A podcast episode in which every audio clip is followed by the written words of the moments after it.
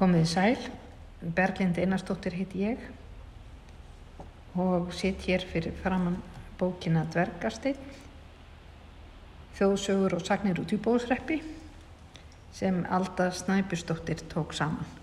Og ég ætla að lesa nokkra frásagnir um skálabrand sem eru rúglega einna frægustu draugum þessa gamla sveitafélags, Djúpavós Reps. Um, það eru til þrjár frásagnir af tilurð skálabrands og ég ætla ekki að fara nánar út í, út í þær hér, fólk bara lesið til um það sjálft. En ég ætla að byrja á því að lesa um skálabrand við papi, en skálabrandur fór víða, mér sé til útlanda, segir sagan. Skálabrandur við papi. Egilét brandur sig heldur vanda síðrað þó hann væri yðurlega heima við skála en hann fyldi jafnframt skálamönnum. Vegna nálaðar skálabrands voru þeir skálamenn ekki alltaf auðfúsu gestir sem þessi saga sínis. Einu sinni komu berufjörðastrendingar sem oftar til róðra í Papeju þar á meðal Sigurður frá skála. En þeir snýru svo búnir heimliðis, lestu bátsinn og snýru við í Papei. Þar um hvað Jón, eldrið Þorvarðarsson bóndi í Papei, þessa vísu. Mjög árla uppi voru ólukku strandar menn, svo til samfunda fóru settust á rassin enn. Suðeigjar sundi lendu, sundur gliðnuðu þar, til selvóks síðan vendu, sér leita hjúkrunar. Brandur fer á sjó, eins og ég segi, hann kom víða við. Það hafði komið fyrir á dögum Antoníusar að þeirri frændur rýru til fiskjar eitt sinn sem oftar í góðu veðri og voru aðeins tveir á bát. Annar bátur strandamanna var nærrið þeim að fiski. Á þeim bát var ófreskur maður. Hann sá þriðjamannin í skut eftir komu. Þeir drófu allir handóðan fisk og köstuðu tveir þeirra einum eftir annan í bátinn. En skutmaðurinn misti alla sína undir borðinu. Bátana reyti saman og sást þá að skutmaðurinn var skálabrandur og bar sig vel upp sem væri hann sjóliðsfóringi. Það var lungu síðar að Guðrún Einarstóttir Ólafssonar var í papi. Hún var all ófræsk. Þá reyfi þeir skálamenn þaðan til fiskjar. Hún hvaðst á jafnan hafa séð auka mann í skut hjá Sigurði. Um, ég ætla að lesa hér frásögn sem heitir Brandur gerir vart við sig síðar frá Stefán Jónssoni fréttamanni. Stefán Jónsson fréttamaður var frá djúpavogi og þekktur þar fyrir myrkvælni sína sem barn og fram á úlingsár. Stefán segir frá því í bóksinni að breyta fjalli hvernig hann mældi veginn frá tegarhortni út á djúpavók og hefur engin annar vegarspotti á landinu verið mældur með þvílikum hætti. Stefán fór að malarveginn út eftir sem sí myrkri á þreymur faðivorum vel út tegðum sem fræktir orðið, en það byrj 6 km leið. Ekki er vita til að annar stað, staðar hafi verið hlaupið með þessum formerkjum en einn maður kuð hafa gengið frá tegarhorni út á djúpavók í svefni. Og svo er þetta ekki beint úr bókinni. Á hverjum vetri bættust við nýjar dæmisögur um þrótlausa ágengni austviskra drauga og annara hulduvætta. Þær heyrði ég að munni trúverðugra manna sagðar í óttalegri einlægni.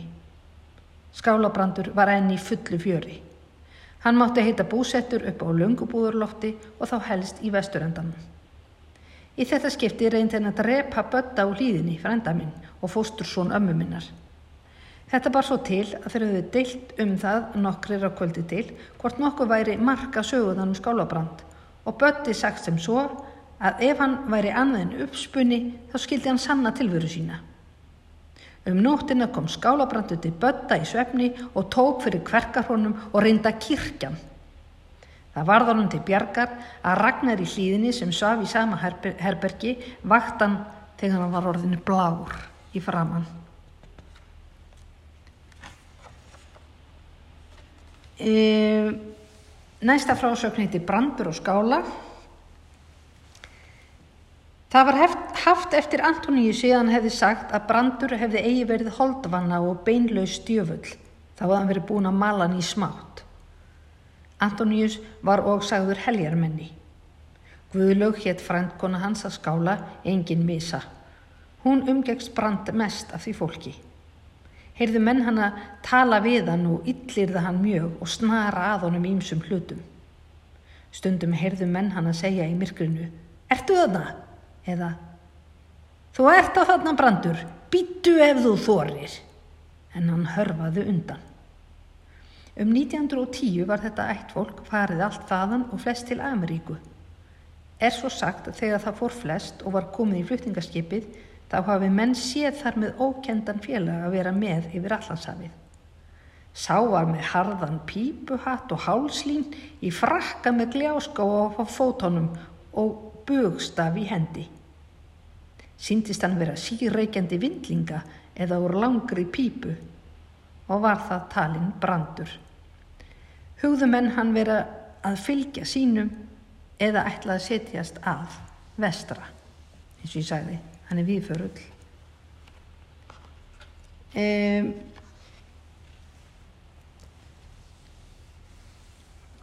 og brandur fær út kvíjar heitir næsta frásögn brandur gerist nú viðförull sem fylgja skálamanna og gekk ljósum logum á undan þeim og létt sér þó sjaldan vant á heimilinu Þegar Þórður Pálsson bjóð á fóskerði með Sigriði konu sinni Bjarnadóttur og eldstu börn þeirra Bjarni og Guðni voru úlingar, þá var það eitt sinn sem oftar að Þórður var að heiman við bátasmíði. Þá sendir húsfræðja Bjarnason sinn eftir hlut, ofan undir loftið, er var þar undir kvarnarstokki. Bjarni fór þetta örugur í myrklinu. Eftir litla stund kemur hann aftur í hendingskasti upp stegan, anstuttur og rauður í framann af fræðslu. Móður Bjarnar sér að hann er tómhendur og spyr hvers vegna hann láti svona. Hann segir að þegar hann þreifaði eftir hlutnum þá gaufaði hann á einhverju loðunu sem hundur væri. En þar var engin hundur til og bæri lokaður. Hljópan í rúmsitt en í sömu andrá var barðið að dyrum. Var þar þá komin einn af skálaættinni og svona var þetta yðurlega. Sögðum en þá að brandur hefði brúðið sér í hundslíki því sumir draugar geta verið í allara kvikinda líki. Brandur glettist oft við þá frændur sem enn segir síðar. Nú hann er ekki bara þykist vera hundur, heldur en hann líka í fjósinu. Skála brandur fjósamaður. Margret Jónsdóttir sem nýlega er dáin hér í sveitrúmlega 90 ára gömul bjó eitt sinn þegar hún var orðin ekja og svo nöndri öldu í kofa þar og er það hér á milli krossgerðis og krosshjálegu niður við sjóin. Drengir tveir litlir voru haustkveld eitt í góðu veðri að hýsa kindur þar í kofa á öldunni og var farð að skikja. Taka þeir nú allt ín eftir því að strákur kemur hlaupandi þar ofar og stefnir ofan að krosshjálegu og hvarf þar. Hugðu þeir hann fara hínum í einn bæjar. Þegar þeir hafa hýst kindurnar hafa þeir gaman af að ganga heim að krosshjálegu að vita hvaða strákur þetta sé. Þegar þeir koma heima bæjarhlaðið kemur Eyjólfur Ítli er sofanemdur og þá fjósamaður í krossa, krosshjálegu, hálf afgirtur út úr bæjadirónum, bölvandi og ragnandi og segið að helvítið hans skálabrandur sé búin að umturna öllu í fjósinu.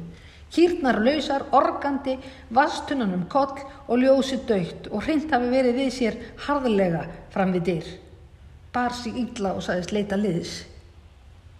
Fóru nú fleiri til og var ljós kveikt. Ljótt var að líta í fjósi og var satt sem Karl sagði Kýrnar, lausar, hei og skítastóðum allt og vassflóði öllu þessu, en draugurinn horfin og þótti eigjólfi ílt. Voru menn hljóðir yfir fram eftir vöku. Nú þegar á vökuna líður er barið harta dýrum, en þar komin Ólafur Sigursson frá skála og Guðrún Sigurðardóttir, kona hans, dóttir Sigurðar Antonísur á skála og voru þau nú að flytja sig á jarðarluta sinn á krossi. en voru ekki búin að koma sér vel fyrir þar og báðu því um gistingu þessa nótt í krosshjálegu sem þau fengu fúslega. Var engin vafi á því áliti manna að engin hafði verið annar en skálabrandur sem í fjósunu gerði gurragangin og hefði lítið eitt gert þannig vart við sig á undan hjónunum. Ég þakka fyrir mig. Góðar stundir.